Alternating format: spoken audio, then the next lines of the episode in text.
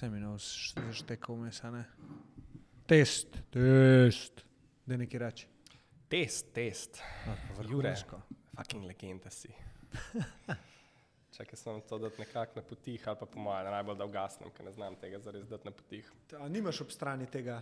A nimaš Ej, me, jaz sem imel, prej sem imel, zdaj imam, zdaj imam uh, tega sedemko, uh, Google, kaj je ta uh, od Google phone, kaj je to pizda. Pixel, ja. Najslabši phone, ki sem ga imel do zdaj. Ja, Moj prejšnji je bil OnePlus, sedemka, najboljši phone, ki sem ga imel do zdaj. In imel switch ob strani, aha. In si, uh, si dal tako, na gor je bilo na glas, na sredo je bila vibra, na dol je bil tih. Ah, hudo. ck, puf, Najboljši feature, ever, noben telefon tega nima, ne razumem zakaj. To je tako jako, as hell, stari. Pa se čakaj, zdaj zih, kaj vam pride. Ej, um, Pixla ne kupiti nikoli, stari, to je. Ma, veš kva, jaz sem kar, uh, jaz sem Ja. kar Apple boy, tako da. Veš, to, jaz imam, vse imam na, na Androidu, na Vincih, Google je moj life, tako vse imam tam gor in Drive je moj life, že cel moj life. In Drive je tvoj life. okence se zapre na desni strani, ne na levi strani in vse te variante, stari, ne bi se učil od znova, pa ne bi imel tako. Ne, kompa imam, Windows imam doma, stari, in pa mi je tako, da bi zdaj imel malo mešo, pa to, to je sam dodaten kaos v kva. life. Ne. To- Nikoli šel, ja, copywriter, nisi, nisi uh, tale. Pa gamer. designer. Pa Jaz sem gamer. svoje kompe, kompe buildil, ne. Ja, ja, ja. Mm. To je pa to. A smo mi bojsi uh, v, v etru? Smo, Amadej? Ja. Je dober kader. Kaj pa ta sto, enot? Pa ta šit tudi. To se ne videl. Tak. To se ne videl. Ok, ok. Da imaš lepo dramatično svetlobo, ful dobro zgleda, stari. Pismo, ja, le za prvi podcast, oziroma drugi, prvi je bil Digital Mafia. Ne, ja, se to spomniš ti? Ne. Ne, sem imela s knehtlom. Res. Ja.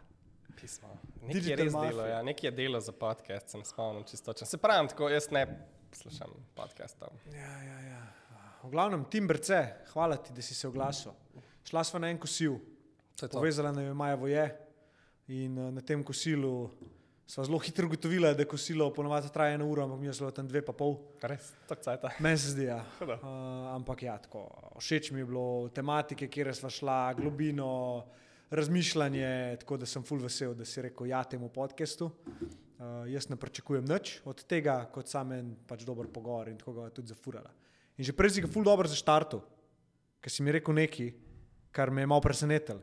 In sicer, da večina folkov, ki posluša podcaste, misli, da se full nauči, v bistvu se pa nič. Da še enkrat to boje. Ja, hodo, ej, Jure, ful, hvala, ker si me povabil, uh, ful sem vesel. Tako res so se pokonektali tam na kosilu, pa um, se mi zdi, da imaš ful dober energy, tako sem ful excited zdaj za ta pogovor. Top. Um, generalno gledano, uh, meni je drugače, kot to knjigo sem ti omenil takrat na kosilu, uh, The First 20 Hours, uh -huh. Josh Kaufmana, ena izmed mojih naj- najljubših knjig. In v bistvu te uči o tem, kako lahko v čim krajšem času postaneš presenetljivo dober v čemarkoli se spravaš. delati.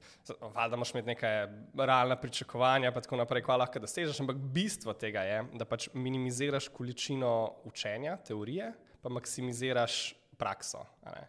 In mm. če, se, če, če zdaj proba to preslikati malo na podcaste, ali pa branje knjig, ali pa uh, vse ostale medije, ali pa branje blogov, pa sledenje deset tisoč e-mail, mm, ne vem, newsletterjev in pa tako naprej od full folka, ne, ali pa konstantno obiskovanje predavanj in tako naprej, ja, ne, ja. to je totalen waste of time. ne.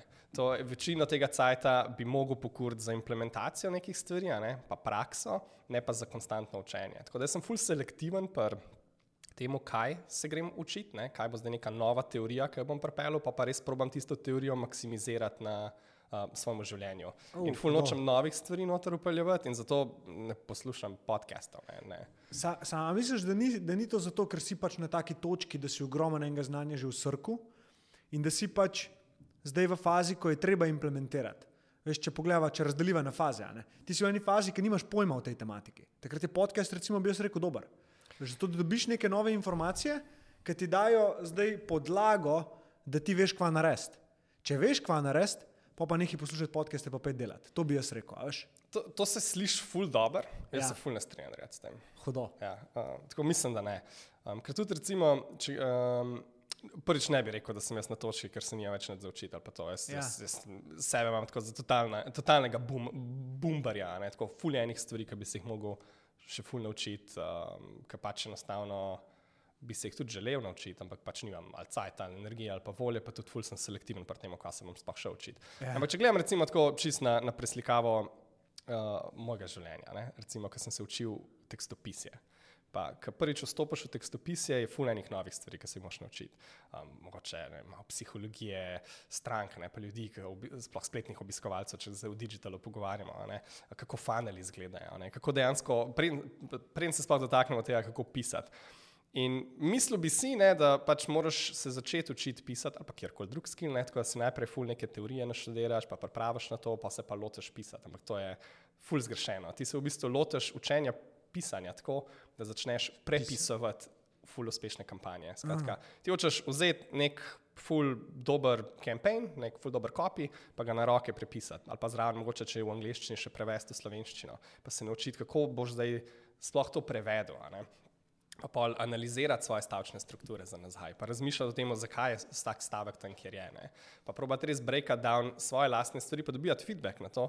Ne toliko učiti kon koncepte ali pa odkrivati, kakšne vsi tipi uvoda obstajajo, pa kako, kako vem, se subject line sestavlja, ali pa kakšen mora biti uvod, kakšen mora biti jedro, kakšen mora biti zaključek. Ja, ja, ja. Nič od tega ni pomemben. Pomemben je, da čim hitreje spraviš čim več repeticij skozi. Mm. Pol pa postopoma dodajaš stvari noter. Zato je tudi tako neka generalno pravilo je, skoro dosti predavam. In pol se ful trudim narediti predavanja v takem smislu, da občinstvo že ful dobro šteka, pa pozna 80-90 posto šita, ki ga govorim.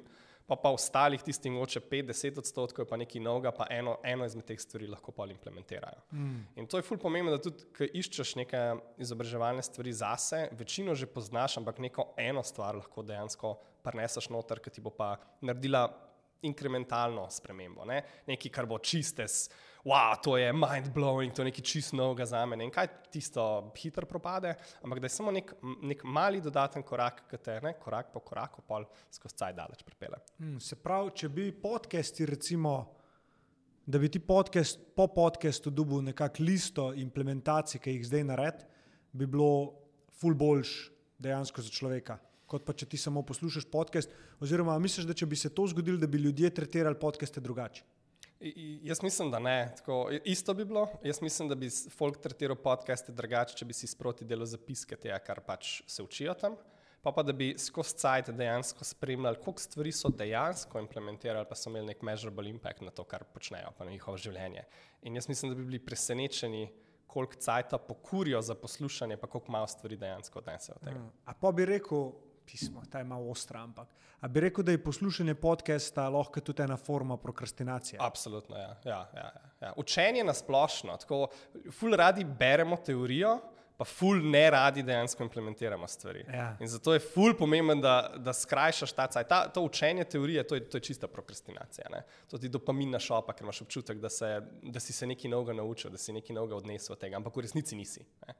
In zato, ja, absolutno, učenje je oblika pro, prokrastinacije. Ja, in prej si me stari vprašal, kva si zadnji podcast, ki si ga poslušal, pa kva si iz njega implementiral, ker sem ti rekel, da sem.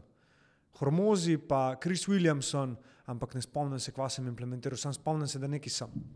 Da sem nekaj noter slišal, kar mi je bilo ful všeč, in, ali pa sem sam mislil, da sem implementiral, ker sem o tem razmišljal.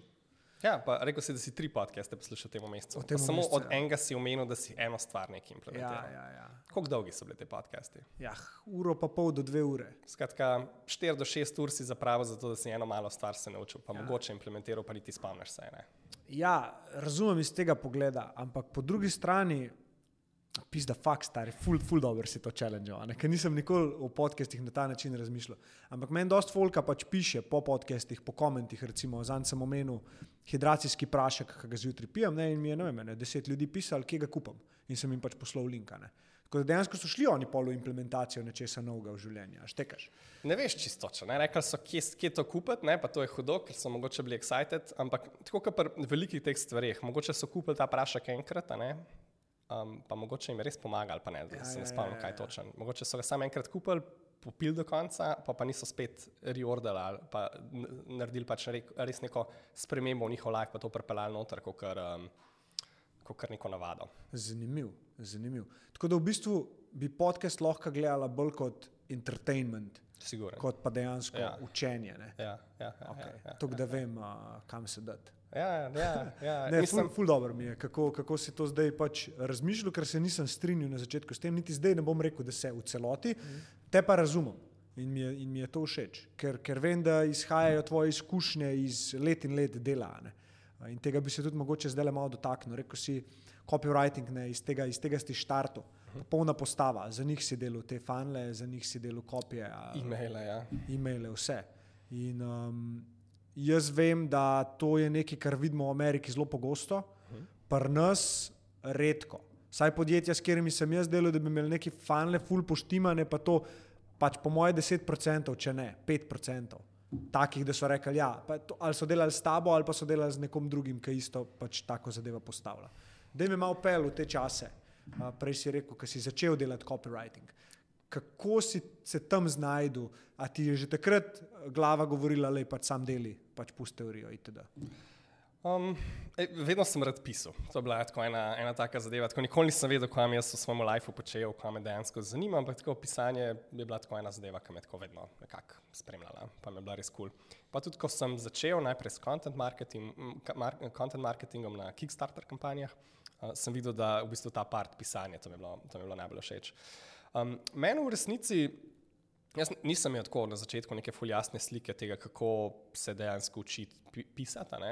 ampak sem bil ful, ful, ful lucky, da sem dobil priložnost, da me je Matej Bešter povabil, da, da prišel delati na popolno postavo, pa nam je tudi ful usmerjal, pa mi je dal ogromno enih priložnosti skozi kursov, pa tudi ful enega znanja, ki mi ga je on direktno predal.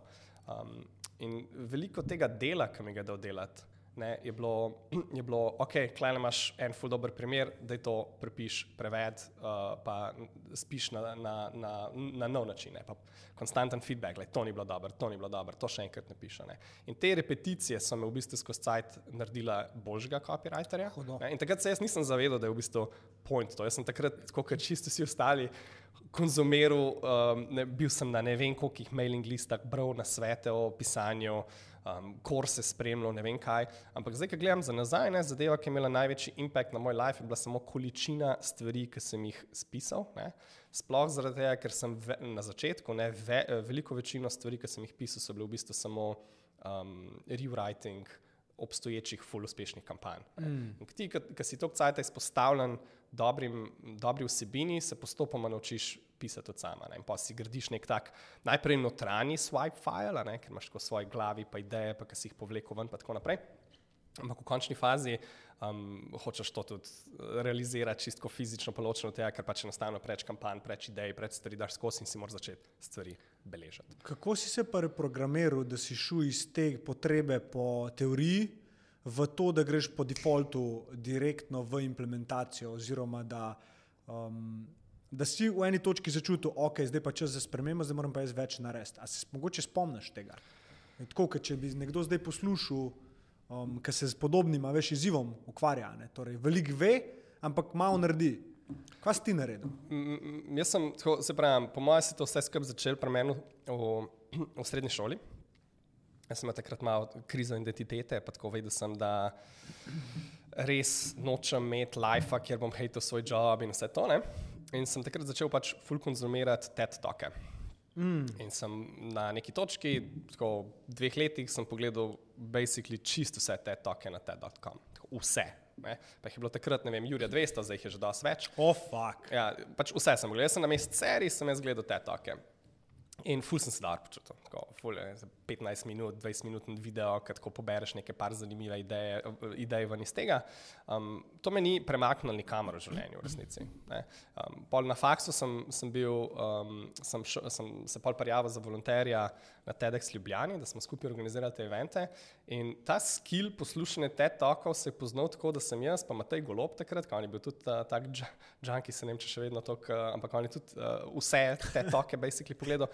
Da so bila edina tam noter, ker če je kdorkoli omenil, kjerkoli te tok, je en od naj vedel vso vsebino tega te toka, pa so se spomnili, uh, ja, to je bil ta, ta je povedal to, to je bilo zanimivo. Ampak tam se je pa zaključilo. Sem zaradi tega ful boljš ocenjeval ali pa pomagal ljudem razvijati, pa ker smo imeli recimo speakerje, ki so prišli gor, a sem zaradi tega toliko boljše lahko feedback dajal na, na to, v bistvu ne. ne. V bistvu ne. Sem se mogel naučiti za res aktivno poslušati, pa potem dajati feedback govorcem, ne, ki so prišli. Um, tako da vso tisto konzumiranje pa poslušam, tako me v, resni, v resnici ni nikamor premaknilo naprej. In jaz pač, ker nisem res vedel, kaj, kaj bi. Um, um, Kaj bi nekako počel v svojem lifeu, sem pa ful enega fokusa dal na volonterstvo. In uh, again, ne, tako je bilo ful nekega učenja, pa premikanja stvari, ampak bi res rekel, da je to me ful karierno premaknilo? Ne, tako še vedno sem ful zadovoljen, sem šel skozi to, tako ful enih zanimivih ljudi sem spoznal zaradi tega. Um, bilo je the best, ne, pa tako neki, neko zaposlitev, da nisem bil pač sam, ne vem, doma pa kadil travo ali pa nekaj mm. neumenga, ne.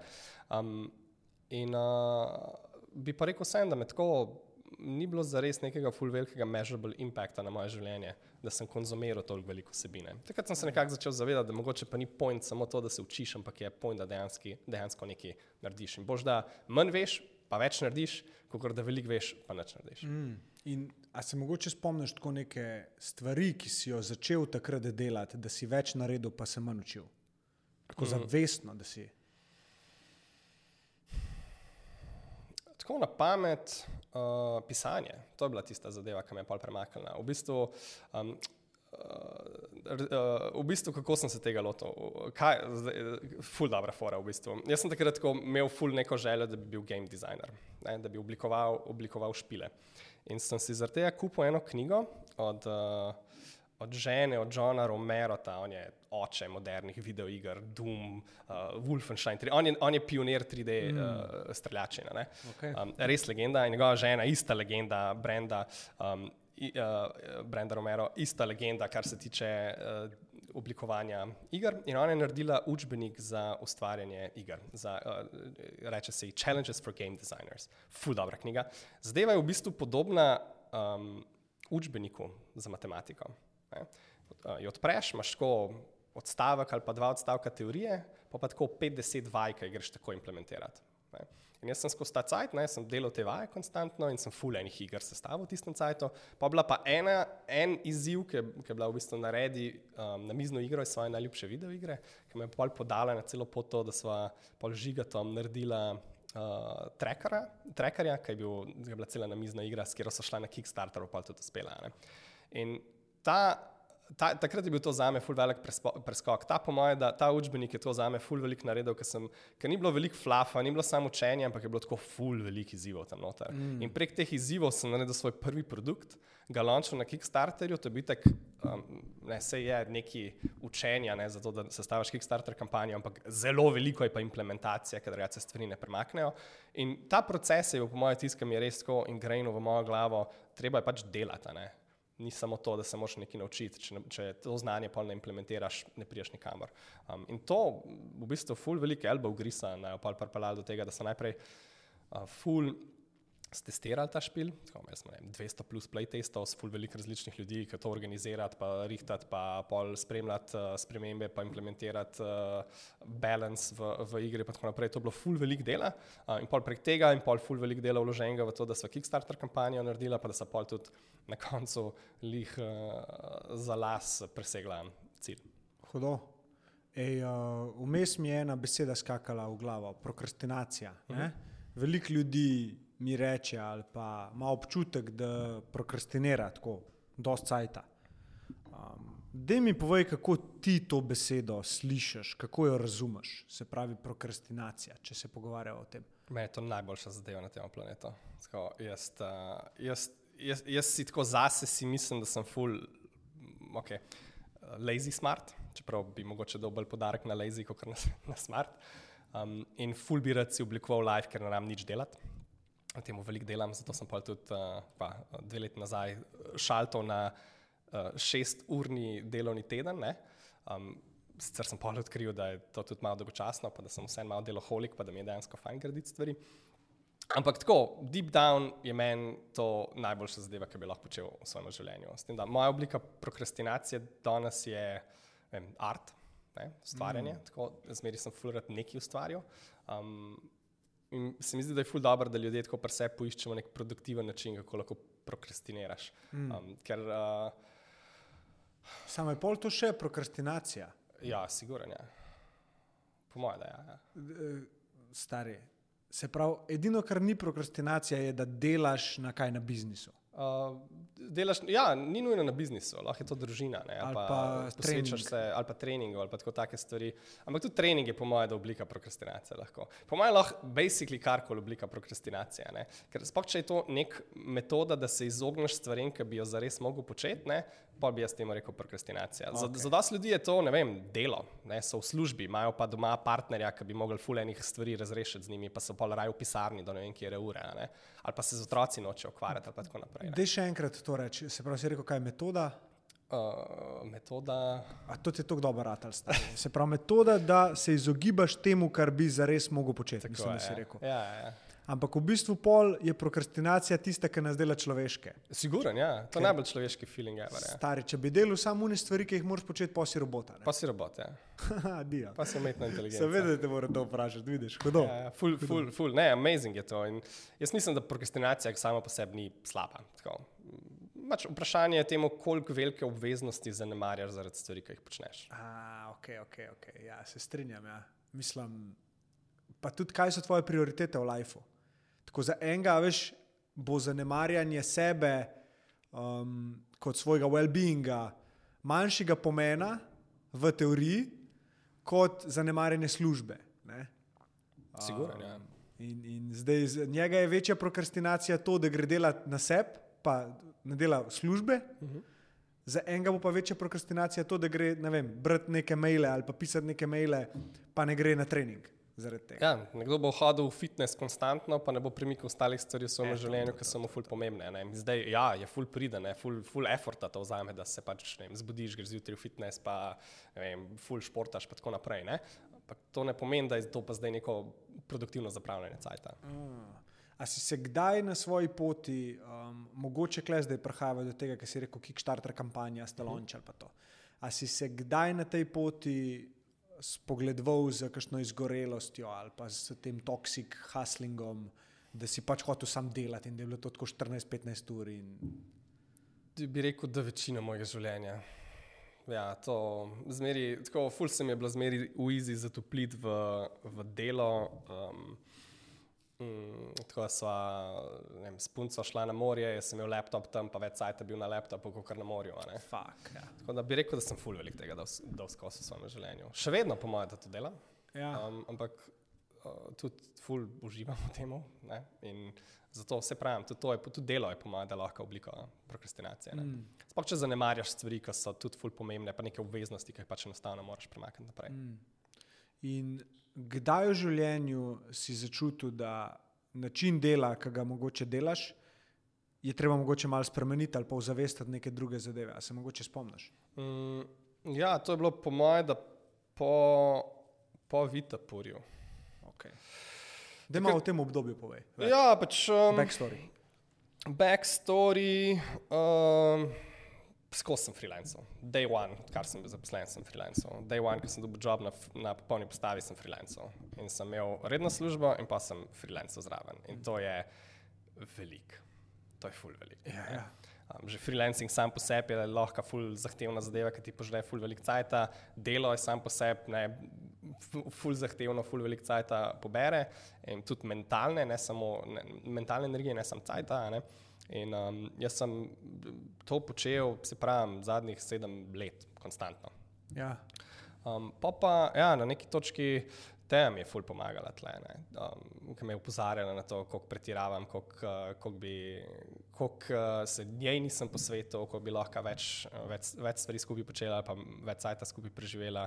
Um, in je bilo to zmeri tako, ona je bila zmeri counterbalance za moj Čudovito. deloholizem. Čudovito. Res, pa rekel temu, da je ji čast. Ja, absolutno. Ja, pa da je ostala cel ta cajt uh, z mano, ker verjetno marsikera bi že zdavni rekla, spoki se. Um, in uh, ja, in pol, pol, pol je prišel Vitapur, tam sem tako čutil neko novo priložnost, da bom končno delal malo s Folkom, ker sem bil full sam, ker sem pač full velik freelancer sam, pa sem rekel, ok, pa mogoče pa ekipa, pa tako naprej. Ne. Um, nekako v bistvu bi rekel, da z tega sem pogruntil, ker uh, sem tudi spet naprej začel freelancati, pa konsultati, pa tako naprej.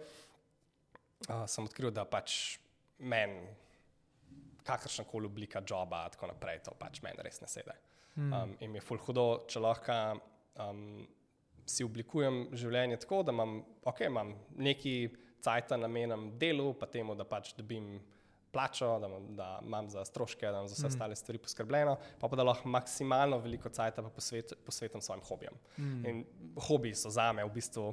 Okay, mogoče oblika prokrastinacije, hkrati pa zadeva, ki me najbolj usrečuje. Passion, ja, bi rekel passion. passion ja. Ja. By far. Okay. Tako da jaz v bistvu skozi iščem neke načine, kako lahko v svojem življenju maksimiziram količino ur, ki preživim na svojih hobijih. Hudo, se pravi, dejansko si zavestno ločil. Um, to smo se enkrat že pogovarjali od Rika Rubina, ki je rekel, da ne rabta biti, uh, se pravi, poslanstvo oziroma pešen, pa služba ena in ista zadeva. Ne, resne, ja. Da je to mal mit, da oni, ki so najbolj srečni, so kreknili to, da delajo tisto, kar jih najbolj veseli. Ne. Ja, sigurno. Um, dejansko on je rekel, ne, tvoja služba je zato, da zaslužiš keš, da lahko živiš, da lahko si svoboden, zraven pa pol delaš to, kar te dejansko res veseli. Ni pa nujno, da okoli tega tudi biznis zgradiš.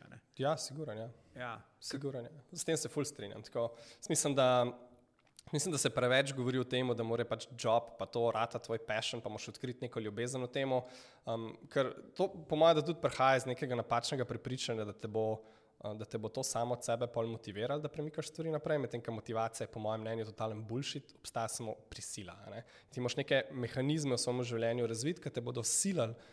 Zato, ker agen, ne, prokrastinacija je najbolj človeška zadeva, ever. to je najbolj normalna stvar, ever. ni slaba stvar. Um, pomemben je pa, da imamo nek balans, pa da sami sebe puščamo naprej. Ne, a pa takrat, ko ne moramo sami sebe, je glih za to, se to se tudi pogovarjala, je, uh, je ful pomemben, da imamo nek accountability drugim ljudem, ja. ki nas, nas lahko potiskajo naprej in da drug drugmu nudimo neko to podporo, pa prisilo tudi hkrati, zato da dejansko obdržimo fokus, pa delamo na stvarih, ki so ful zahtevne. Ja, pa ki niso toliko fan. Ne? Ja, ja. In niso sploh to vedno neki ljudje, ki so mentori ali karkoli. Ne, ne rabi biti mentor. Lahko je, lahko je žena, lahko je punca, lahko je, lahko je friend, lahko ja. je sodelavec. Ja. Uh, ampak istočasno je kle, treba se pa soočiti pol z neko resnico, ne? biti iskren do sebe, da mogoče rabaš na nekih točkah pomoč. Pa ne, pa ne misliti konstantno, ne, ne, lej, jaz bom že, jaz bom že sam, no, vse itd. Mislim, da ful preveč delamo stvari sami. Ja. Ful enostavno je lažje, ko delaš stvari z ljudmi. Ja. Isto, isto pri motiviranju oziroma pušenju samega sebe je ful lažje, če imaš nekoga, ki ti pomaga pušati sebe čez te meje. Zato imajo vsi top športniki imajo trenerje. Noben top pa, športnik ne trenira sam, pač tako pa ne more. Kuharje, pa, pa kuharje, pa tako naprej. Ja, pač, še bolj zaradi cajta, ampak. Ja, ne, ampak tako, ti imaš najboljšega športnika na svetu, ki ima trenerja kako lahko nekdo trenira nekoga, ki je najboljši na svetu. Mm. Slišiš se absurdno, tako, če pogledaš to face value, ampak it makes total sense. Ne? Ja, pri motivaciji prej si rekel, ne bullshit. Jaz se, jaz se strinjam, da zunanja motivacija je, nima smisla, no? je spet nek dopamin efekt. Um, Medtem, ko notranja motivacija se mi zdi pa, da je tista, ki pomaga ne, človeku.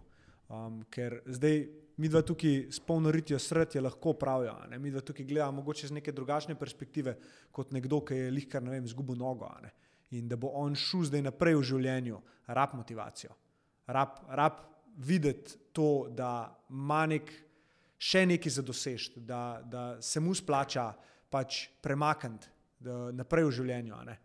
Um, tako da jaz mislim, da taki ljudje jo najdejo potem nek globok vseb. Um, sploh taki, ki imajo vem, mogoče kakšno situacijo, kjer je bilo težko, zelo težko, um, da se iz tega lahko pol ven premaknejo.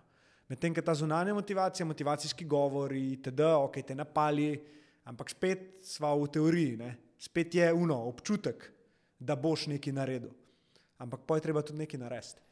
Jaz, um, jaz, jaz se počutim tako laki v svojem življenju, tako srečen, da, da mi ni bilo zaenkrat treba nobene take res težke stvari, da skozi kar to, kar si ja. zdaj omenil. Ja. In jaz imam toliko respekta do ljudi, ki grejo skozi neke težke stvari, ali mentalne, ali telesne, ali kakorkoli, pa jih uspejo premagati, pa, spraviti, uh, pa se spraviti na naslednjo točko, mm -hmm. mentalno ali pa whatever, ne, tudi uh, fizično.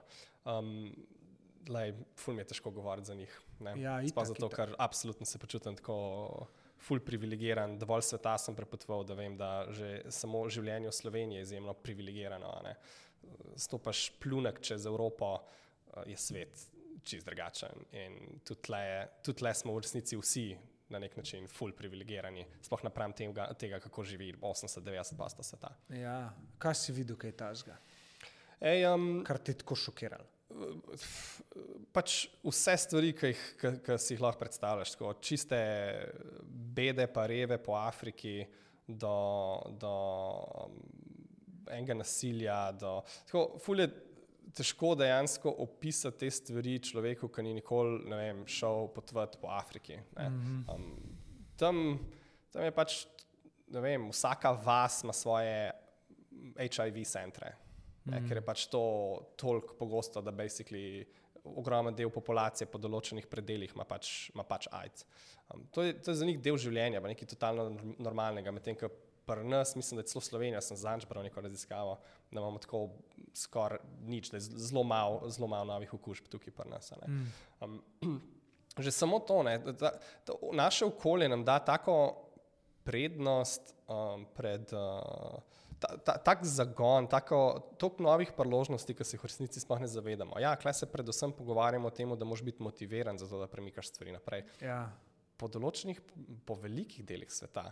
Motivacija ni dosti, tvoje okolje te toliko zavira, da pač enostavno ti ne pomaga. Ne? Si lahko najbolj motiviran na svetu, pa, pa ne boš uspel prebiti, um, se prebiti skozi let. Ja, enega gosta sem imel, kle, ki je zdaj le trenutno snema uh, z uh, Francisom Ganojem, spet, ki se bo boksil proti um, Tyson Furyju.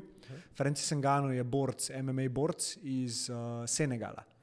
In um, on je pobegnil iz rudnika pri 17 letih v Evropo peš. No. ne. In če se mi da pogovarjamo tukaj o okolju, pa neki a ne, uno, motivaciji, da boš nekaj naredil, je to čist, čist drugače, kot če ja. se mi da pogovarjava o ne vem, Franciji, iz Klej Slovenije, ja. Ja. kam je um, žlet uničil trte in se je pol potem pobral. Štekaš. Um, tako da mi Absolutno. ful mi je všeč, da si rekel, da si, da si ozavestil eno tematiko, ki mislim, da se tudi ne govori dosti o njej, hvaležnost za ja. Našo državo, Ja. za to, da so pač ljudje pred nami, naši predniki nam izborili svobodo Ja, da pač mi tukaj dejansko lahko zdaj se ukvarjamo s problemi tretjega sveta, ne, ja. um, oziroma first world problems. ne. Um, Jaz mislim, da imamo veliko stvari, za katere moramo biti hvaležni. Tako, ja, ne. Zelo veliko in mislim, da pač se o tem ful premalo govori. ja. Ker tudi na tvoji poti, verjeten, zdaj, ko pogledaš nazaj, si imel tako občutek, joj, pa dej, pa še to, pa konstantno so bili neka pritoževanja v igri itd. Ne. Ampak ena izmed najboljših stvari, ki sem jo zase naredil v življenju, evo, to implementacijo, je bila, da sem se nehal pritoževati tudi sebi. Oziroma na začetku je to izgledalo tako, da sem se samo opazil, ker se pritožujem in sem pač nehal, ker ne korist. Ni nobenega pozitivnega efekta, če se ti pritožuješ ali nekomu drugemu ali pa sam sebi. Zato, ker pritoževanje nikoli ni povezano z akcionom, torej da nekaj narediš. V trenutku, ko se nehaš pritoževati, lahko nekaj narediš. Ne? Hudo. Nisem ja. do tega. Ja, zanimivo. Ja, ta je bila taka, no, ta je zelo stoična, drugače. Um, to je, mislim, da je Sokrates rekel ali kdo. Hudo. Je rekel, don't, don't ever hear yourself complaining, not even to yourself. Ne? A, In stoiki so zelo taki. Resnica je ena, ne pa da je vse od sebe. In pač ni, lej, ti lahko vsem lažeš, vse ne moreš. Ne? In je tak self-accountability manever, ki sem ga zdaj lepo pač lahko povedal, ki mi je res pomagal. Tako da, če kdo se ima občutek, da se veliko pritožuje, ki tole posluša, nehite, prosim. Pa pogledajte, kako se vam live spremeni. Um, jaz se drugačko se strinjam s tem, bi dal pa mogoče samo en caveat. Um, hedonizem tudi ni slaba stvar. Tako, in jaz mislim, da pač vse je na koncu. Mislim, da so se o tem v primeru pogovarjali. Pa to sem prebral, po mojem, da naredi to. Ne vem, kje je tako. Kdaj si na zadnje pomislil na angliško kraljico, Ki je umrla. ki je umrla? Ne? Tako, Ja. ja. A si prej aktivno razmišljal o njej? Niti enkrat. Pa, pa bi lahko rekel, da je imela precej remarkable življenje. Pa ja, njena izkušnja, ja, ok, v redu. Bila kar remarkable, ne? kar je dosegla, kot se je živela, kaj vse se je spremenilo pod njo. Ne, to je res. Ja. koga je vse je spoznala. Um, umrla je, in pol noben več ne zares razmišlja o njej. Tako. Nima veze, koliko denarja boš zaslužil v tem lifeu, nima veze, koliko boš znan, koliko followerjev boš imel. To, to vse bo pač basically zginilo z dnevom, ko boš umrl, ali pa mogoče, okay, če si laki, bo kakšen mesec ali pa dva še kdo malo razmišljal o tebi. Ja. Generalno gledano bo to, je to dan. Kaj ti ostane, ostane ti samo to, kako si se ti imel medtem, ko si bil na tem planetu. Mm. In se mi zdi prav, da ne delamo vse kot roboti, ne? Ampak da pač tudi uživamo v tem cajtu, ki smo tle. Wow. Marolince sem dobil. Zato bi se tega malo bolj dotaknil. Okay. Um, zelo pomembna tematika tudi za me, biti v trenutku, pa izkusiti življenje. Um, ker na Twitterju sem si dal opis v konstantni borbi med hedonistom in stojkom v meni. Ok, hudo je. Ne?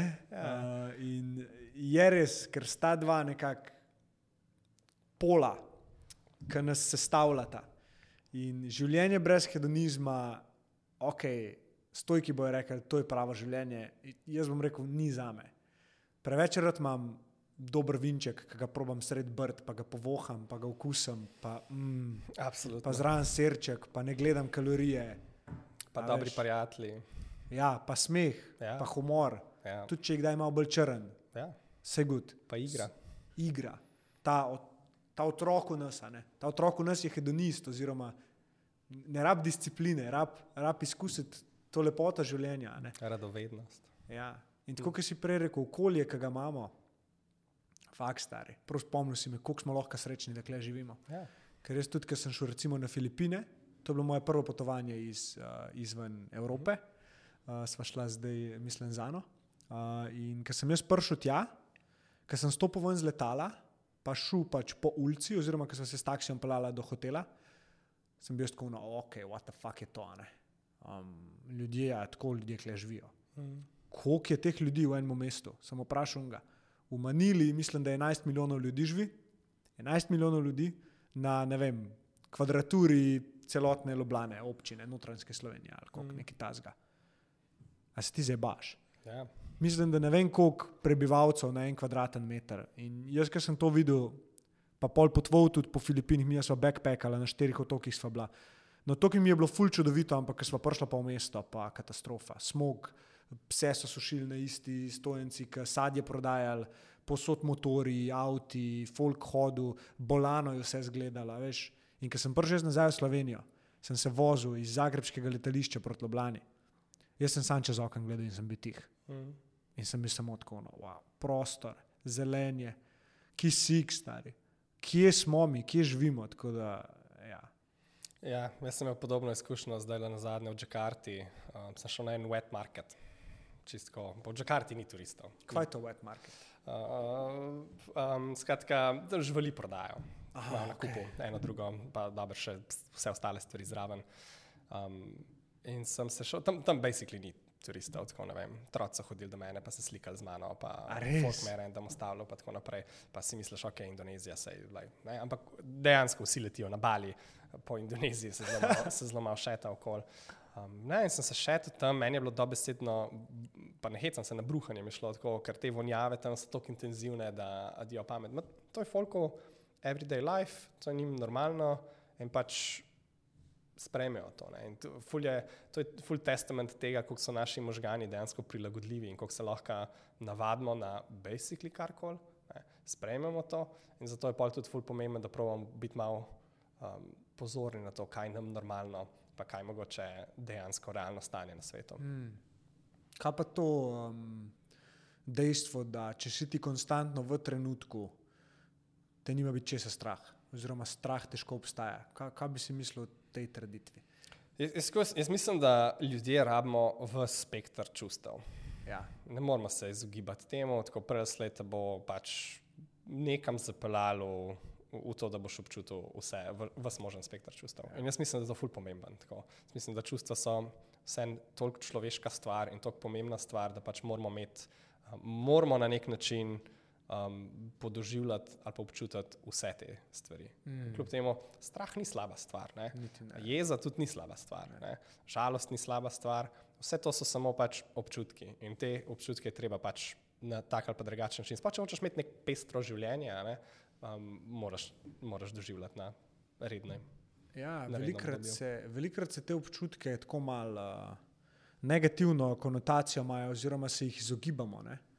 Um, Medtem, ko zdaj mislim, da se kolektivno dosto o tem govori, in, in ne vem, pa sem sam jaz v takih družbah, da so vsi občutki nekako enakovredni, da ni noben boljši od drugega. Uh, da edina stvar, ki te občutke dela karkoli drugačne, je naša uh, percepcija. je naša um, zgodbica, ki si jo okoli tega občutka ustvarjamo. Odzivi ne, na njih. Ja. Odzivi. Ja. Uh, in sem zanj slišal eno dobro stvar na podkastu. Okay. Uh, in sicer, da, ah, ne me videti, prosim, um, da v bistvu edini način, da travmo razrešiš, je, da spremeniš svojo zgodbico o tej travmi. In da v bistvu ne trpiš zaradi dogodka, ampak kako si, si ti ta dogodek za, zapomnil, kakšna je bila tvoja percepcija oziroma perspektiva na ta dogodek. Okay. Uh, in da v trenutku, ko ti percepcijo zamenjaš, da se ti je v bistvu to zgodilo in da je to samo dobro za te, pa lahko tukaj tudi o ekstremih govoriva, um, da takrat ti travmo razbiješ in da šele takrat lahko res konkretno spustiš. Ne. Pri meni je bilo to recimo smrt očeta. Jaz, ki sem dojel, da pa je pismo res bilo pol, ki sem razmišljal, ker sem dojel, da sem bil v tistem trenutku zraven, da se je zgodilo to zato, da sem odkril eno večjo moč v sebi, da se je pač to moglo zgoditi, da ne bom šel jaz po isti poti. Um, sem imel tako občutek, da pač se mi nič hudega sploh ni zgodilo, ampak da se je zgodilo točno to, kar se je moglo. Uh, pa bi mogoče dal tebi zdaj žogco, da se še ti malo poigraš s to tematiko. Jaz ful velik, jaz res nisem, res kot to, moram potrkati po lesu, ful sem happy, ker nisem imel zares nekih velikih travm v svojem življenju, takšnih ali pa drugačnih. Um, in mi je ful, se bojim govoriti o no, tem, ja. ker uh, nočem nobenemu soliti pamet, ker vem, da so izkušnje določenih ljudi tako grozne ali pa tako težke, da jih pač jaz enostavno ne morem razumeti, da jih ja. kdorkoli drug ne more razumeti, kot oni sami. Tako da bi ful težko, ful ne bi posploševal tega, kako se tega rešiti, pa tudi iskreno nisem ekspert za to. Ampak si ful eno lepo stvar rekel zdaj, ker si pač povedal resnico. Ne? Um, Umenil si, da te je strah tega. Ja, sigurno. Ja. Nima te biti česa strah. Ne, ne, pač v smislu, strah, bi, strah me je govoriti, pa um, sploh v nekem javnem mediju, whatever, ja, ja, ja. Ne, kar to je. Pa dajati na svete, brez tega, da se res uh, zavedam tega, kaj to za nekoga pomeni. Meni je ful pomemben, tako se mi zdi, da vedno sem bil ful empatičen. Mi je ful pomemben, da pustim prostor ob, uh, za občutke drugih ljudi, ne, pa da sami poiščejo nek način, kako se z njimi spopadati. Jaz sem lahko happy zase ne, in ful sem vesel jaz, ne, da, se, da, da, da sem konsistentno ful srečen. Um, ne, morem pa, ne morem pa tako, ne bi si pa upal, ja, tako z nekim, sploh z, moj, z moje privilegirane situacije, kar se mm. tiče mogoče mojega mentalnega stanja, ker mislim, da je tako res tako generalno ful dobro. Um, mi je ful težko potem iz te pozicije privilegija drugim dajati na svete o tem, kako bi oni mogli reševati svoje probleme. Lepo je, ja. pač pot, ki si jo prehodil, ja. odkol te poti boš dal na svete. S Tomijem smo imeli, je rekel, um, da najboljši na svet, ki ga je slišal, je bil um, ne sprejemati na sveta od nobenega, ki ne bi obul tvojih čevljev. Niti od mene, to mi je rekel Toni Majhen, ne vem, če poznaš njega. Um, v njemu sem že kar veliko slišal. Ja. Um, ja, ne, kar sem hotel reči, je, je tudi to, da veliko bolj trpimo v nekem namišljenem svetu, kaj bo, kaj bo takrat, ne, kot pa, ko se to dejansko zgodi. Ker ko se dejansko zgodi, imaš kontrolo. Ko ti v tem razmišljaš, kontrole nimaš. Ne. In, ja, nočem izbiti. Ja, mislim, mislim, da so situacije tudi v življenju, kjer pač enostavno nimaš kontrole, pa se ti nekaj groznega dogaja. Ne. Ja. Um, Palestina, ne, recimo. Ja. Siguren so nedolžni ljudje tudi na tisti strani. Pa, lej, pa še ena tema, kjer je mogoče. Um, sej, se mi zdi, največji zločin tle se mi zdi to, da je toliko težko sploh govoriti o tej temi. Ja. Pa reči, da so nedolžni ljudje na obeh straneh, ne, pa da je to somehow kontroverzno. Um, ampak nek, mislim, da lahko vsi povlečemo črto in rečemo, da nek triletni otrok živi v Palestini in ni nič, nič kriv. Ja. In ne more ničesar narediti, se jim objektivno dogaja krivica. Ne? Kaj to pomeni? Pač nimajo kontrole nad tem, pa je to neka situacija, ki se jim ne morejo enostavno izogniti. Tukaj ja. mislim, da je tako ful, ful je težko generalizirati za take stvari, ker pač um, je presenetljivo veliko trpljenja, za katerega pač ljudje nimajo opcije se mu izogniti ali pa kontrole nad njim. Ja. In, ali pa recimo na drugi strani depresija. Ne? Mm. Sej, um, fuljo izi reči, ja, pa dej, ne vem, začni hoditi v fitness, pa začni, mm. ne vem, to delati, kar bo ful ti pomagal, pa tako naprej. Ampak enkrat se moramo tudi zavedati, da pač, kdaj se pa zgodi, da so možgani pač enostavno tako zvezani, da pač ne vpliva nič na to, in da je situacija ful, ful, ful, ful težka za določene ljudi. In nimajo zares kontrole nad tem, kako se počutijo. In tukaj mislim, da pa bolj pridemo v, v, again, v ta segment, uh, kjer mi je mene, ok, mogoče strah govoriti o tem, ker pač v bistvu nimam kaj sploh zapovedati tukaj. Ker, mm. Nisem strokovnjak, nisem tega nikoli doživel, ne, zaru, ne, ne razumem za res te stvari, in pol ne bi ja, na svetu ali pa sedel pametnega o stvarih, o katerih nimam pojma. Ja, a se ti zdi, da se preveč ljudi ukvarja s tematikami, kjer nimajo pojma, oziroma so prebrali nekaj ali pa nekaj slišali? in da to pol naprej delijo, ker je to na njihovem zelniku zrastel. Ja, jaz mislim, da je tako, da živimo v svetu, kjer je full porast uh, anti-ekspertov. Ja. In tega bo zmeri več. Jaz, mislim, tako, jaz imam tako par kontroverznih mislih, zaradi katerih sem jih že dobil po prstih, ampak um, generalno gledano, jaz mislim, da ne bi smel imeti vsak pravico oglaševati.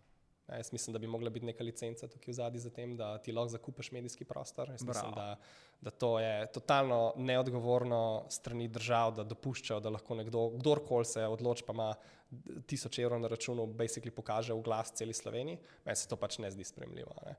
In jaz mislim, da je veliko enih takih drugih področji in tudi, pač, ok, zdaj sem se usedel na oglaševanje, ampak tudi uh, imeti milijon followerjev na TikToku je isto velika odgovornost, ki mislim, da ne bi smela uh, pripadati vsakemu posamezniku. S tem, da se klepol dotaknemo in to je pa vsakeč kontraargument. Uh, Free speech, freedom of speech, in tako naprej. In, um, razumem, zakaj pač je svet tako postavljen in pač enostavno ni praktično, ali pa mogoče, ali pa mogoče še nismo najbolj dobri način, kako bi polisali free speech. Ne? Ampak jaz sigurno mislim, da, da, da bi mogle biti neke omejitve. Recimo, pač mislim si, da politiki ne bi smeli lagati. Pač, absolutno si to mislim. Ne, pač, ja, lej, pač si mislim. Ampak a, a, a to pomeni, da vem, da obstaja nek dober način kontroliranja tega? Ne, si mislim, da absolutno ne obstaja noben dober način. Vsaj jaz nisem še slišal, pa odkril. Ampak mislim, da bi bil svet veliko lepši, če bi odkrili neke mehanizme, s katerimi bi lahko te stvari preprečevali. Ja. Ker smo jih pri takih mehanizmih, pa drugačnih. Uh, AI, ja, ne. se pravi umetna inteligenca. Vem, da si ti tudi v bistvu zdaj le pred kratkim en produkt launčil, ki ljudem pomaga, da optimizirajo e-maile? Um, mi imamo par rešitev, uh, ampak v bistvu naš glavni špil je to, da avtomatiziramo procese. Skratka, naš full focus ni na pomoči, naš fokus je na zamenjavi delovnega mesta.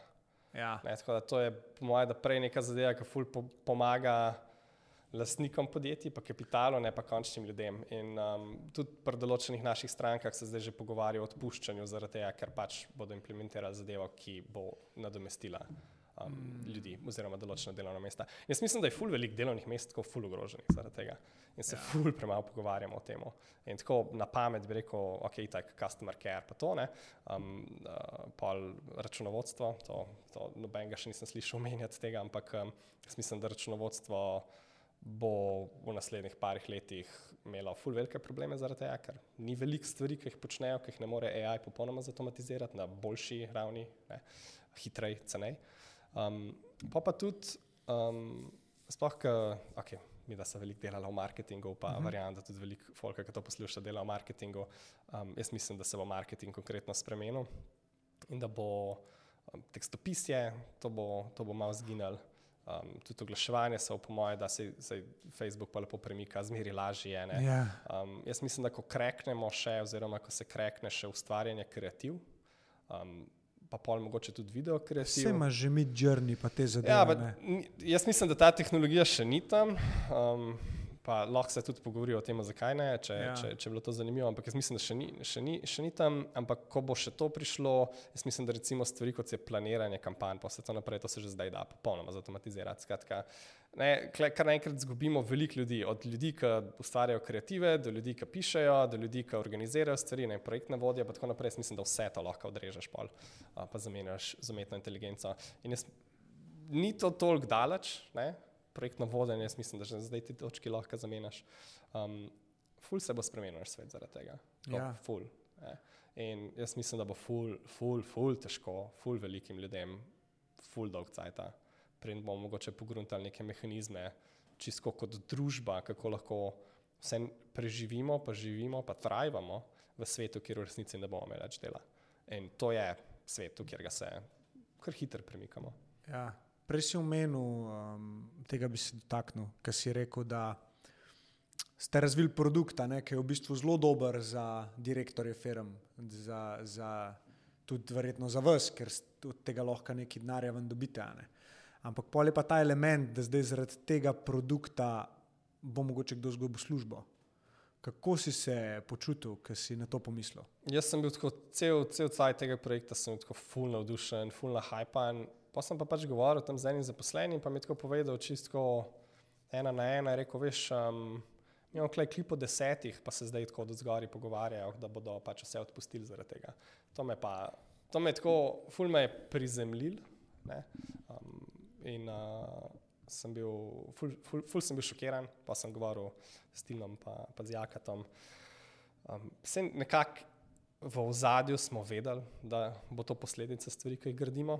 Um, in mislim, da nismo edini, ki to delamo, ja, da bo tega zmeri več. Mm. In mislim, da s tem, ko bo tega zmeri več, bo to zmeri hitreje šlo in, bo, in bo, uh, bomo vsi tako začeli na veliko zgubljati, uh, zgubljati službe.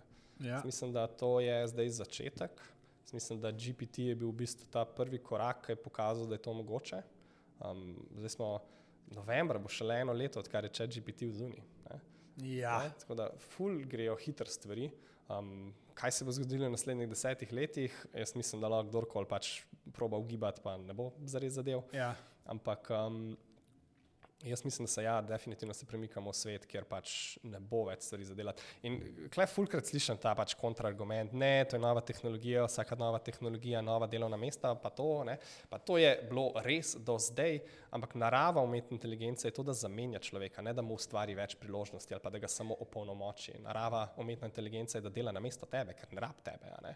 In ja, to pri internetu je to res, ja, neke službe so šle, pa toliko več jih je prišlo.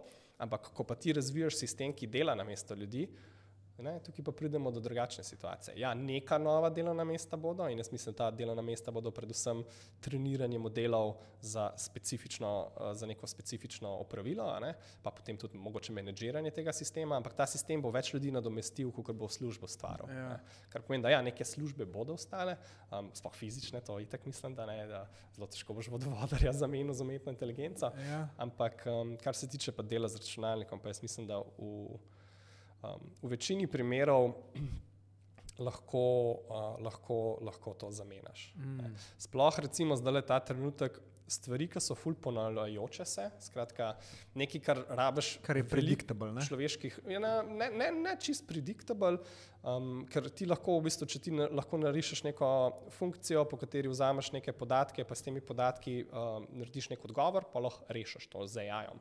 Vprašanje je, se to splača, ne? in če imaš, to, če imaš neko nek delovni proces, ki vzame, vem, 3, 4, 5 človeških ur na mesec, verjetno tega ne boš šel delati, ker je pač relativno drago za enkrat, če to. ne. Medtem, če imaš pa neko drugo zadevo, ki ti vzame, vem, 400, 500, 600 tisoč človeških ur na mesec, ne, um, si pa kar enkrat, hm, mogoče pa to dobra investicija, pa lahko v bistvu kar enkrat veliko skupino ljudi zamenjaš z nekim, uh, z nekim sistemom. Ne. Mm. Tako da ostal bo, ostal bo to. ne. Tako, po mojem bo prvi korak to, da se bo pač uh, manjšal. Uh, jaz mislim, da se ne bo sicer manjšal uh, um, uh, ta delovni čas, še vedno bo delal 8 ur, samo um, že zdaj bi rekel, da bi marsikdo, ki je v službi, lahko potihoma priznal, da ne dela uh, vseh 8 ur. Ne. Ok, ena ura je tako malce, ne, pa je sedem ur, pa v dunih sedmih ur mogoče za res produktivno dela štiri ali pa tri, ostale stvari pa malo razvleče.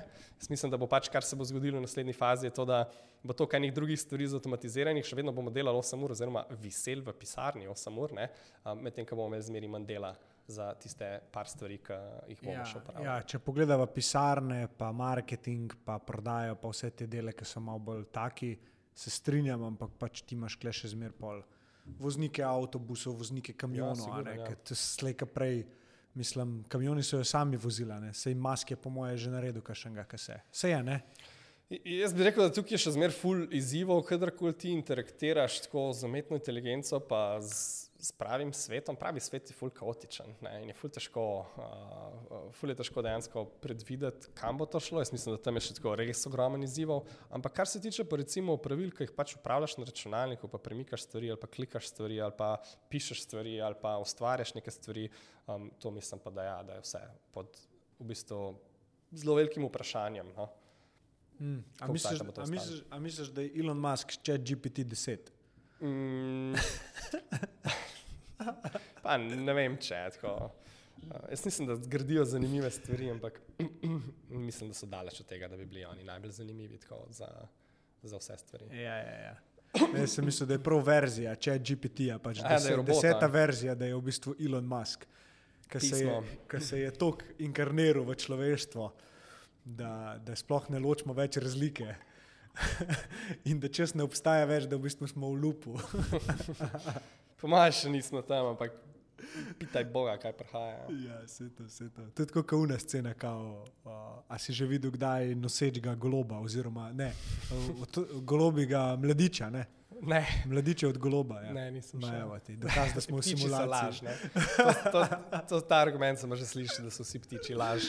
Ja, veš, jaz to karata tematika je taka malo bolj uh, ostra, proba imeti malo humor. Vse to prav. Humor je tako najboljša obramba za take stvari, pa fajn je, da malo razbiješ. Um, k, mislim, da je to zares v bistvu edina obramba, ki jo imamo Ja. pred tem, kaj se zdaj dogaja v svetu in kaj prihaja v naslednjih nekaj letih. Ja, um, Pa v bistvu že zdaj. Ne?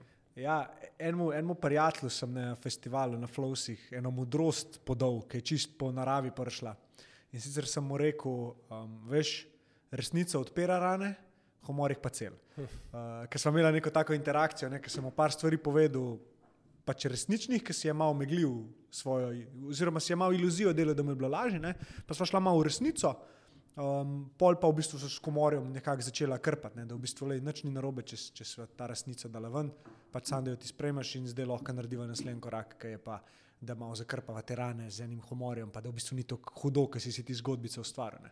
To, to je amazing za probleme, ki pač um, jih lahko tako rešiš. Ampak pa, Ker ker imaginarni, ne. pa denarja, pa Ja, ja, ja. ja. hrane na v hladilniku, ti po mojem, da humor ne pomaga več. Ne, ne, to, to pa res ne. Mi smo imeli eno situacijo doma, stari, ki smo se usedeli, no pozabo, pizda.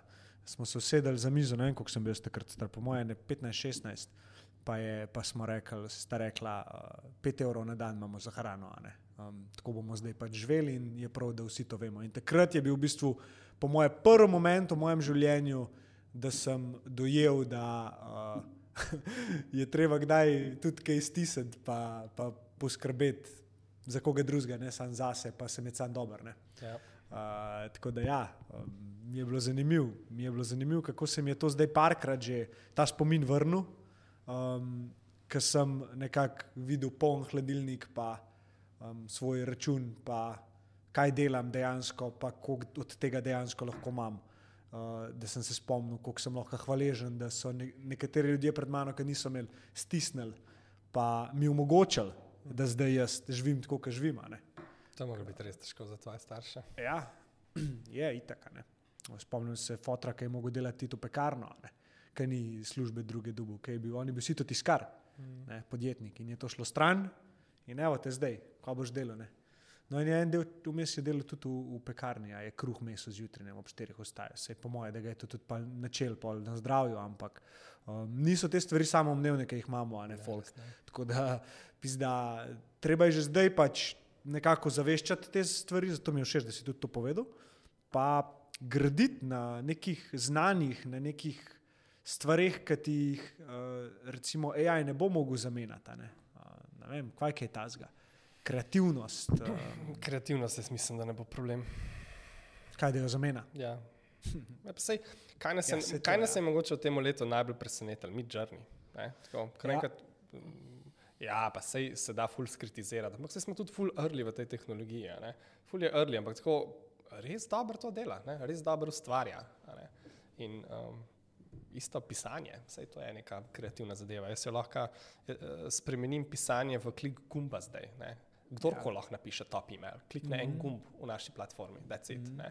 In ni to zdaj vprašanje več, ali rabiš to znati, rabiš biti kreativen. Ne, pa sam pokliki.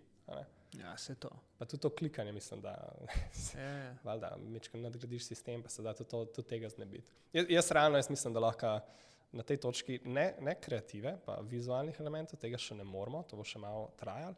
Jaz mislim, da lahko vso vsebino za kjerkoli podjetje na full visokem nivoju zgeneriram uh, za celo leto z enim miškim klikom.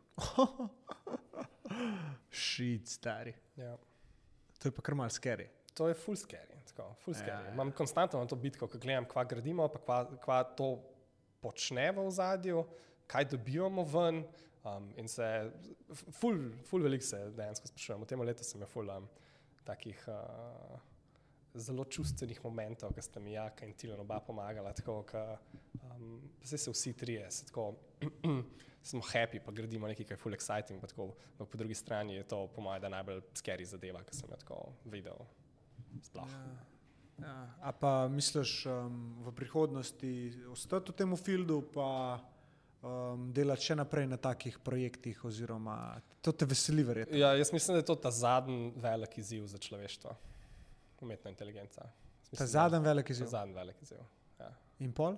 Ja, pa pa, mislim, da če se pogovarjamo o čisti umetni inteligenci, pa singularitiju, pa itak ne vemo, kaj se zgodi, ker ne moramo vedeti, ker to je črna luknja za nas. Okay. Ampak um, ja, jaz mislim, da je to zadnji velik izziv za človeštvo in, to, in je to v bistvu največji izziv, ki ga imamo lahko, najbolj, zaradi tega pa tudi najbolj zanimiv izziv, pa hkrati je to ta zadnji velik izziv. Zato, ker mm. ko to teklamo, pa v resnici ne ostane več nič za delati. ja, razen če pridejo nezemljani. Ali ki so bej tek že klej. Ja, še, še takrat bo verjetno umetna inteligenca se z njimi pogovarjala, ne pa mi. Ja, se res mi umorno. Za njih, ki zdaj mravlje, ki plezajo po drevesu. Ja, oni so pač klej, pusti, pusti. Ja. Ne, ne bojo klej na tem drevesu. Če te moti, pa eliminiri, vse dobro. A pa drevo poreš, ja, vse dobro. Mi smo šefi klej. Ja, zanimivo. Hotel sem te vprašati eno stvar in sicer um, en produktivity hack okay. ki si ga implementiral v svoje življenje in ti je najbolj pomagal? Okay. Uh, dva. Okay. dva. Peva dva. Peva. Okay, hodo, zakon. Ta, prva, ta prvi je accountability. Okay. Um, skratka, accountability, accountability skupina. To jaz mislim, da bi čisto vsak človek lahko imel konstantno skozi. In basically, kako to deluje, je to, da si dobiš še dva partnerja, ki ti sta pri tem pomagala, da se vsi skupaj ste accountable, accountable drug drugemu. Pa morate biti tri jaz, dokaj enkrat ne vem, kdo zboli, whatever, nekaj se zgodi, pa pač nekoga ni in da se to nadaljuje, ne? da ni nikoli zares izgovora, da ne morete. Se pravi, to lahko narediš s svojimi frendi? Um, lahko so frendi, lahko niso frendi, fajn je, da je nekdo, ki bo dejansko spremljal posledice tvojega nedela, ker tukaj so del tega, je zdaj velik del tega, so posledice. Okay. In posledice so nagrade in kazni. Ne? Skratka, enkrat na teden se dobiš s ta skupinca in si določaš cilje za ta teden, kaj treba, kaj treba narediti. In za vsak cilj določaš kazen, če ne boš tega naredil, pa nagrado, če boš to naredil. Ok, da en primer. Ja, jaz sem imel recimo za launch moje knjige, sem imel, sem imel uh, nagrado, da greva s punco v Amsterdam. Ne, to je bil ta zadnji del, to je, bil največji, to je bil tudi največja nagrada. Uh, kazen je bila pa, pa to je bilo. Um, to je bilo uh, Bila pol, da bom decembra nag na, na prešircu wall squatov, uh, wall sitov, uh, tri minute in se štopal. Uh, tam je bilo tako, nisem je sam določil. Ampak uh, bi jo pa naredil, če ne bi lančil, če ne bi lančil, takrat, ko sem bi šel to narediti. Ja. Jaz sem vesel, da si ti rad. jaz, jaz sem tudi vesel, da mi je rad. Tako wall sito res ne maram, pa ne bi bil nag sred zime v zuniji. Ja, ja, ja. Um, kind of interferes with the ego. Ja, in, ja. In, in, in v bistvu tako presenetljivo dobro te to motivira. Sploh, ko imaš še dva človeka zraven, ki te silta v to, pa ki veš, da se veselita tega, da boš ti mogel biti nag na prešircu. In uh, bi rada videla, ne, da, da se moraš res potruditi za to, da, za to, da to dosežeš. Ja, to, tako, to je ta prva zadeva, ki bi jo čisto sem priporočil. Tako, accountability pa imeti dva človeka, ki se skupaj drug drugega pušata naprej, to pač nič ne pomaga pri pr obdržanju fokusa, ne? pa pri prisili tega, da dejansko delaš stvari. Vsi imamo malo prisile. Ja, ja. Motivacija, tako se so že rekli, bullshit. Ja. Uh, je to ta prva zadeva, ki bi lahko čisto vsak implementiral v svoje življenje, pa, pa ta druga zadeva je pa štopanje. Okay. To mi je life spremenil. Jaz štopam zdaj vsak task, si dam timer. Okay. In to je, po mojem, zadeva, ki je najbolj pohitrila moje delo. In ti lahko dam primer tega. Um, Deja. uh, jaz nisem več tako passionate kot copywritinga, že dolgo časa. Že kar nekaj let sem iskreno, pač enostavno ne da več pisati. In uh, sploh potem, ko napišeš že 5-6 tisoč e-mail kampanj, pač le ne da se mi več tega zares delati. Uh, prerastel sem to. In sem za svojo knjigo imel en subscription. A lahko poveš, prosim, naslov? Aha, uh, email autopilot. Imalot. Autopilot. Autopilot. Autopilot za, za e-mail. Aha. In, um, in sem basically kot, kot en izmed produktov ob knjigi, sem imel en subscription service, ker sem vsak mesec pošiljal svojim strankam template newsletterjev. ne, Okay. Za naslednji mesec. Ja. Skratka, jaz sem pač neke template sestavil, ti si lahko sam izpolnil in poslal na svojo, list, na svojo bazo. a Ne? In um, iz meseca v mesec mi je bilo težje te template sestavljati. Tako, Pohom kufr sem imel tega, tako se si ti rekel, tako, da da se mi več zares pisati tako tega in pa še te template sestavljati in se truditi, da biti v vakumu kreativen. a Veš, ker te templati so mogli biti tako, da so bili relevantni za vse, ne, ne za, samo za neko specifično področje, kar pomeni, da ful stvari vrečeš iz lufta. Ja. In tako naporen, je, tako res te izžame pol pisanje teh stvari. Um, ker nimaš zares nobenega sidra, za katero bi se prijel, pa rekel, da sem lahko kreativen znotraj teh mej. Mm. To ful pomaga pri kreativnosti. No, in sem, um, in sem imel zdaj tako po 8 ur, ne, da sem sestavil vem, 7, 8, 9, 10 teh templetov. In meni v lifeu ni vzel toliko časa, kakršno koli pisanje. Sem zelo hiter uh, v kopiju, ki ga pišem, pa lahko tako v povprečju, vem, pač zelo hitro napišem en e-mail. In um, to, to se mi je pa vsakeč vlekel. Sem rabo cel dan, 8 ur tam, gor dol, en mail, mogoče na uro ali pa še več, da sem sestavil, ker pač skozi sem skakal kol, res se mi ni dal, tako nisem bil motiviran, za to, da bi to napisal. In pa sem, um, pa sem enkrat full modil in ne spomnim čist točno, kje sem, sem, sem dobil ta, to idejo, da bi se štopil. Pač sem si nastavil 45 minuten timer. Rekel je, zdaj je naslednji 45 minut, da me slej sedel, pa sem pač promo napisal to. In ko sem kliknil odštevanje, je to nekaj, ne vem, premaknilo v mojih možganjih. In jaz sem v, mislim, da sem v, tako, v 17 minutah napisal 10 mailov ali 7 mailov, nekaj tazga. Na na koncu sem spravil tako na 2 minuti, pa pol na en ta template. Ne.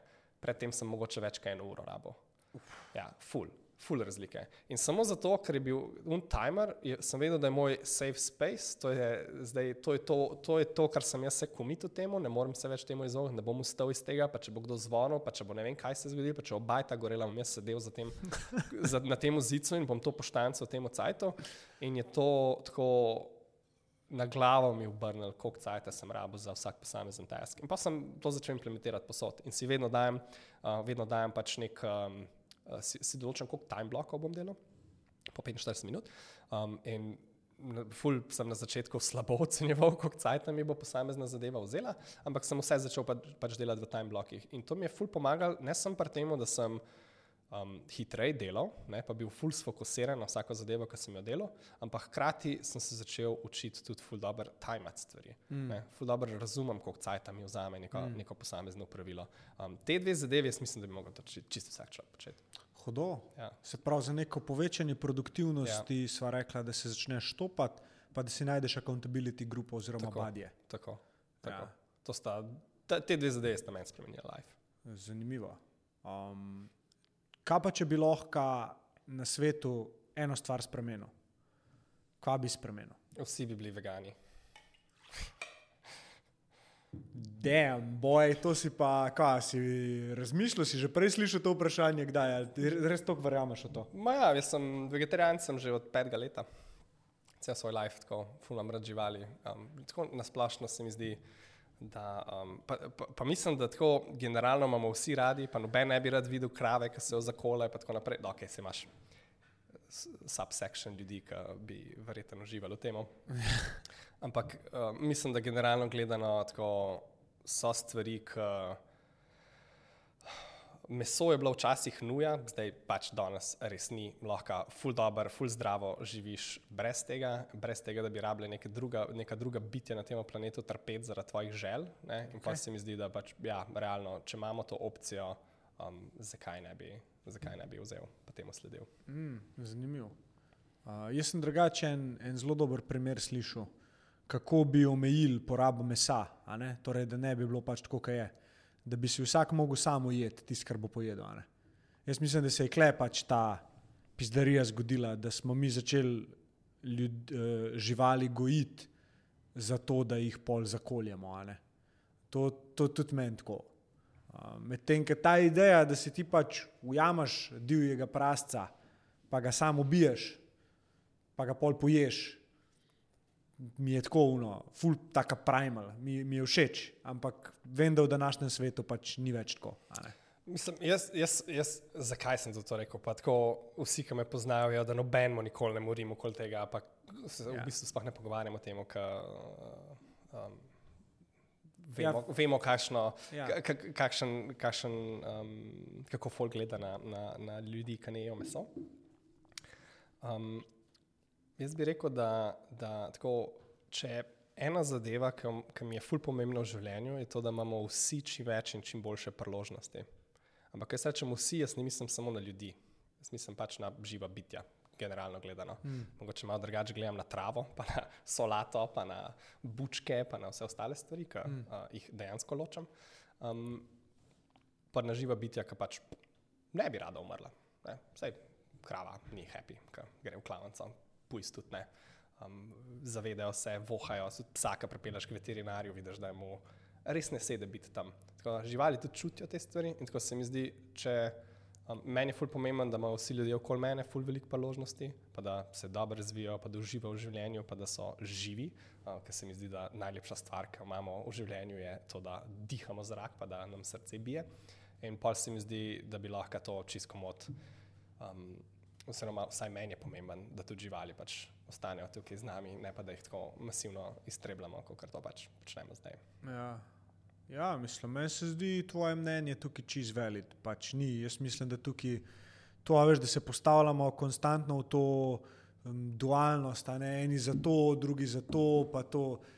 Ta nekakšno razdvojevanje, konstantno človeštva, eni v to verjamejo, drugi v to, če ne verjameš v to, si pač uh, odpadnik. Ne. Ne, se mi zdi, da je, da je nek point v tem, kar si povedal. Tudi jaz imam živali neizmerno rata, ne? ampak moja ideologija oziroma moje razmišljanje sploh ne, ne gre v to sfero, da. Um, da ti dejansko ubijaš živali, tako da jih ješ. Se vem, se to je ena stvar, ki mislim, da je. To je po mojem, da je tako en velik razlog, zakaj. Pa tudi po mojem, da je to tudi razlog, zakaj gre Folku tok na živce poslušati to. Ne? Zato, ker nekako deep down v sebi se vsi zavedamo, da v bistvu ja, noben tega ne bi zares rad videl, pa ne bi rad, da se to dogaja. Zato, ne vem, okay, lab grown meat, meat bi jaz rekel, da je veganski. Um, to mogoče se kakšen vegan ne bi strinjal z mano. Ampak uh, sem full excited recimo, za ta teh, uh, pa da ne vem, mogoče, uh, če bi lahko. Ne, da bi folk obdržal svoj mest, kot da je pač vzgojen v laboratoriju, ne pa hkrati pustimo živali, pa miru, to bi vzame kot najboljši mm. možen solution. Sama je pol to še mes, a je to še. Ja, pač... pomaga, da ja, ja. Sej, struktura je tam, molekule so tam, ja. celice so tam. Ja, jaz bi rekel, da je to še vedno meso. Ja. Sik stari. Hm. Ampak to nas pol čisto te naše prvinskosti stran daje proti nekim bitjem, ki smo kle. Ja. Ja, se, se razumem. In, in to, to, to je mogoče ena, ena tema, o kateri sem jaz tudi full passionate about, tako jaz full ne maram tradicije. Ja. Tako, to mi nič ne pomeni. In pa vsakeč, tako, kako, kako rad to predstavim, to, jaz sem baklava, jaz pa rad. Turške okay. sledice, pač, kdo, ja. kdo ne mara turških sledic. Ne? Pač, pač jaz ne maram tako sladke baklave, pač, malo manj cukra bi imel tam noter. Ja. Um, in ne, zaradi tradicije se pač absolutno tega ne smeš spremenjati in to cukra mora iti noter in ne vem kaj. Ne? In pa če pomislila za nazaj, pa ja, it made sense, ne? tako ne vem, si rabo iti na neko potovanje s svojim konjem, rabo 14 dni, da sprši do najbližjega mesta, ne vem kaj, valjda si rabo čim manjšo težo prenesti mm. sabo, ker ti je čim več energije prenesla. Ampak mm. danes ne živimo več v istem svetu, ne rabimo več tega. Ja, veš, isto... Z veseljem bi jedel sugar free baklavo. ja, ja. Veš, če se isto ne rabimo. Mm. Tega, da crkve zvonijo še kar. Okay, uh, religija je ta druga tema, jo, uh, ampak to, ta je že malo bolj žgečkljiva, ampak ja. tukaj bi isto črto povlekel, pa rekel, ne rabimo noben tega zares, po mojem, da ne rab. Um. To sem zadnjič pomislil, stari, ker sem slišal sem te zvonove to in sem bil tako, zakaj? Zakaj to zdaj jaz poslušam? Zaradi tradicije. Ja, no, evo, se tradicija, se po eni strani je prav, da se ohranja, sploh tako globoka, ampak če gledajo iz praktičnega vidika, če bi si optimizirali pač življenje na sedanjost, verjetno ne bi obstajali. Ne? Ne, jaz, jaz, mislim, jaz mislim, da tradicijo tako preveč, preveč jo enostavno sam požiramo, medtem ko bi mogli fulbol kritično razmišljati o tem, kaj je smiselno, pa kaj ni. In jaz mislim, da pač religija generalno, jaz verjamem, da je imela ful. Uh, ful je imela pozitiven učinek na človeštvo, um, sploh recimo vem, v, v primer islama, pa rednega umivanja rok, obraza, vsega ostalega, pač amazing. Valjda je bilo to logično, na nek način je bilo to treba pripeljati do ljudi. Ampak je to še vedno potrebno? Po mojem, da ne. ne. Mm. In jaz mislim, da generalno gledano religija nima več mesta v družbi na splošno mm. in ne mm. prenaša ničesar koristnega za res za, za, za ljudi. Sej, sklepol, imaš argumente, pa rečeš, ok, pa folk ima nekaj od tega, se počutijo, pa tako naprej. Pa, ele, jaz sem all about that, ne, da folk počne to, kar jim je kul, cool, ampak samo ti imaš lahko še vedno vse te elemente, ne, druženja, um, ne vem um, zahvaljevanja, vsega ostalega, kar folk, obču, uh, kar folk čuti, brez, uh, brez vseh ostalih slabih elementov religije. Mm. Pa mislim, da je tega veliko več, kot je, je pozitivnih elementov. Sploh kar se organizirane religije tiče, tako meni čisto vse, če nekdo doma kaj počne, whatever. Ne? Ampak, ja, ja. ko si omenil, ok, zvonovi ali pa zdaj, ki sem bil po. po, po, po uh, Uh, mislim, Džakarta je bila sploh, sploh tako mesto, uh, džamije, ne, pa štirikrat, petkrat na dan molitve. Ja, ja, ja. 3:30 se začne, do, po, do pol štirih zjutraj nabijajo. Veš, to, ne vem, ali je to res um, potrebno. Ja, ja, ja. Ne, se strinjam, kle, mislim. Mogoče tako malo izzivalno vprašanje, ampak ali se ti zdi, da bi bil svet lepši, če bi bila samo ena religija?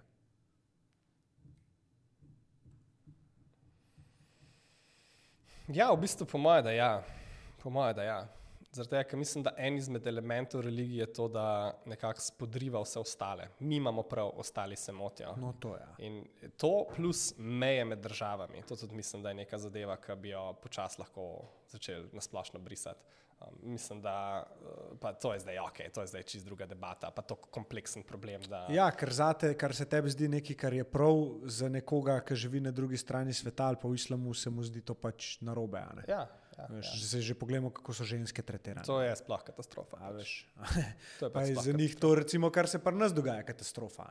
Ja. Ampak že, ta, že to, koliko smo si različni, nekako koliko smo drugačno učeni, že iz pogleda vrednot, jaz mislim, da je nemogoče, da bi obstajala ena religija. Razen, če se vrednote vseh ljudi po svetu poenotijo, kar se mi pa zdi dokaj nemogoče. Sigurno, ne? se zaradi tega pravim, jaz ne pravim, da je to realno. Ja, ja. Jaz samo mislim, da vse, kar bolj povezuje ljudi, ne, je ja. dobro. Ja. In vse, kar postavlja meje med ljudmi, um, je generalno gledano slabo, s, s tem, da se zavedam in te meje so v tem svetu, kjer živimo danes, pač močno potrebne. Ja, res je, res je. Uh, tale bo zanimiva zdaj. Um, če bi štartil novo civilizacijo, okay. pa lahko uporabiš samo eno pravilo. Eno pravilo. Kje pravilo bi to bilo? Uh, pravilo. Uh, vse temelji na znanstvenem eksperimentu. Torej, preden se karkoli odločimo, ja. damo znanosti ja.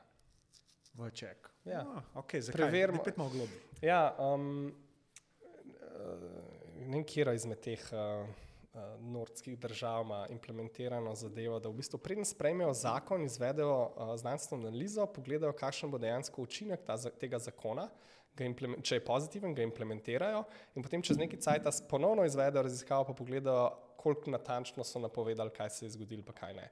To se mi zdi tako totalen no-brainer. Zakaj tega ne počnemo posod po svetu? To je tako, po mojem, da najbolj logična zadeva, ki jo hočeš početi, sploh kar se tiče sprejemanja tako zelo um, pomembnih pravil v družbi zakonov. Ne? In jaz mislim, da tako generalno je tako najlepša zadeva, kar smo jo ljudje, kar je človeštvo pogruntali znanstveni eksperiment.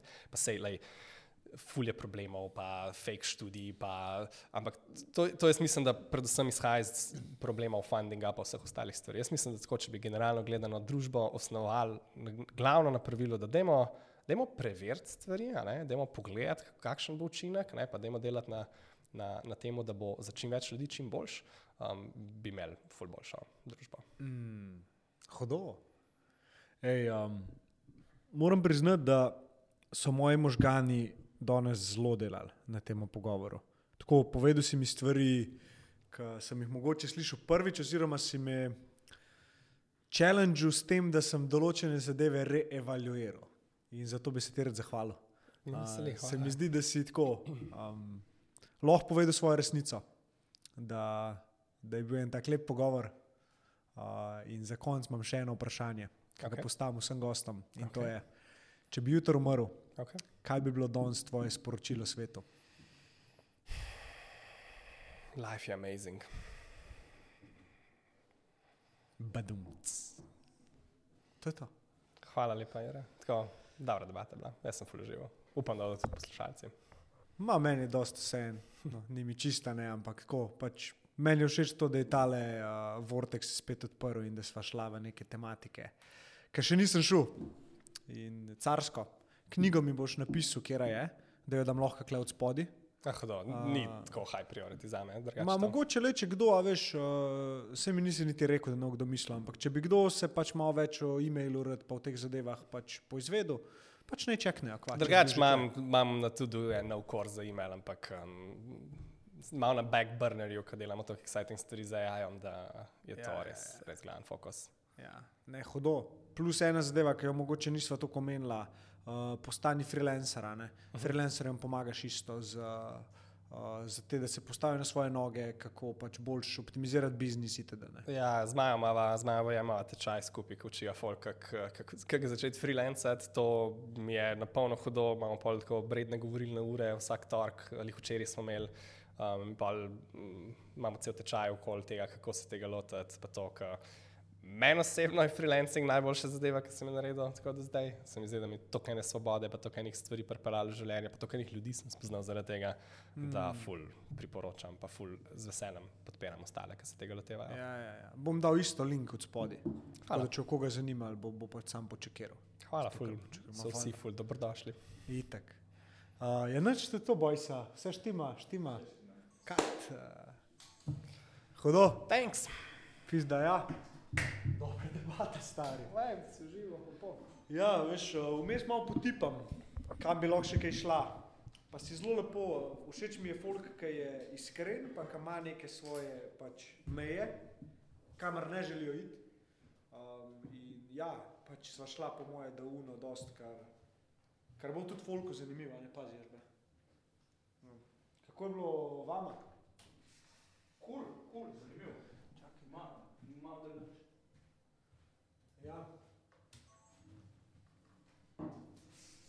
Kako je bilo tebi? Meni je bilo best, da fulno debatiramo o teh stvarih in pa imeti prostor debatirati o teh stvarih. Kako ne bi bilo dobro? Ti si odličen sogovornik. Thanks. Res je amazing klepetati s tabo. Na zadnje sem se do tega tako jela. Ja. Tako da res, thanks. Ja, problem, edini problem, ki je klej, je time limit. Zaenkrat še. Ne, ker sem, da to je prednost prednost. Sveda prednost. Ja. Ja. Se,